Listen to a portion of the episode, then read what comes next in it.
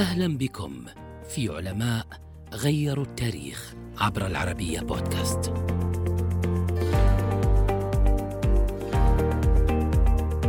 لقبه الصقلي أصبح رمزا لكل طبيب حاذق في عصره. الطبيب العلامة أبو العباس أحمد عبد السلام الصقلي الشريف الحسني. لقبت عائلته بالصقلي نسبة إلى صقليه التي هاجرت منها باتجاه تونس واشتهر منها عدد من الأطباء أبرزهم أبو العباس. كان من أشهر أطباء تونس وإفريقيا في عصره.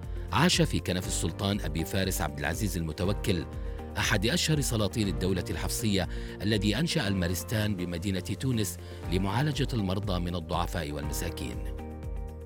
استفاد أبو العباس الصقلي من الأجواء المزدهرة في تونس ليدرس الطب في جامع الزيتونة الذي اعتبر في عصره أحد أهم المراكز الفكرية في العالم. تتلمذ على يديه كثير من الطلاب أهمهم الإمامان ابن عرفة والرصاع.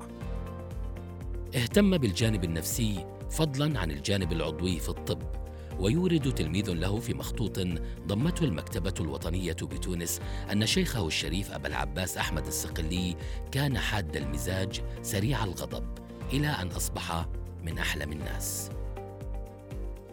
وذكر الرصاع في كتابه الفهرست أنه سمع من شيخه الإمام ابن عرفة أن بلدا لا يسكن فيها الصقلي لا يطيب بها العيش اعترافا بمقامه وحذقه للطب.